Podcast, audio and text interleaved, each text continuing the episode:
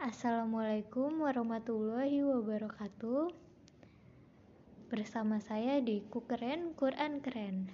Kali ini saya akan mengingatkan mengenai 12 adab Rasulullah Shallallahu Alaihi Wasallam. Rasulullah adalah uswatun hasanah sehingga e, memiliki sifat yang dapat kita tauladani seperti sederhananya Rasulullah berakhlak mulia. Nah, seperti apa sih uh, sifat-sifat yang perlu kita teladani? Saya akan merangkumnya menjadi 12. Nomor satu, pemberani. Jadi kita harus memiliki sikap mulia, yaitu berani. Berani dalam membela kebenaran, dalam menyebarkan agama di jalan Allah Subhanahu wa taala. Lalu yang kedua, pemurah. Hmm, kita memiliki sikap pemurah yaitu rendah hati atau tawadu dan sabar dalam menghadapi segala cobaan. Ketiga, adil. Kita harus bersikap adil dalam segala hal yang baik di, di bidang hukum ataupun dalam keluarga kita sendiri harus adil dan tidak boleh membeda-bedakan. Lalu nomor empat, ipah Ifa adalah menahan diri sepenuhnya dari perkara-perkara yang diharamkan oleh Allah Subhanahu wa taala. Ketika kita menahan diri, maka kita menjadi orang yang sabar. Lalu nomor 5 jujur. Jujur adalah salah satu sikap yang dimiliki oleh Rasulullah Shallallahu alaihi wasallam terutama ketika Rasulullah sedang berdagang beliau terkenal dengan kejujurannya yang diberi gelar Al-Amin. Lalu nomor 6, amanah. Menyampaikan sesuatu dengan tepat dan benar tanpa menambah atau mengurangi sesuatu yang diamanahkan. Lalu nomor 7, sabar. Suatu sikap menahan emosi dan keinginan serta bertahan dalam situasi sulit dengan tidak mengeluh.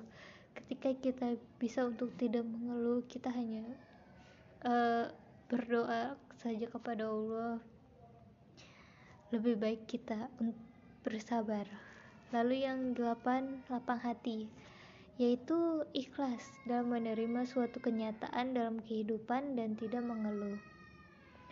Nomor sembilan pemaaf yaitu uh, seseorang yang tidak tidak pendendam dan juga memelihara kebencian terhadap pihak yang menyakitinya serta um, meningkatkan hubungan dengan pihak yang menyakitinya dengan memaafkan orang lain maka kita akan menjadi lebih baik. Uh, saya pernah dengar ketika kita tidak memaafkan orang lain dan justru mendendam itu seperti kita menusukkan pisau kepada diri kita sendiri.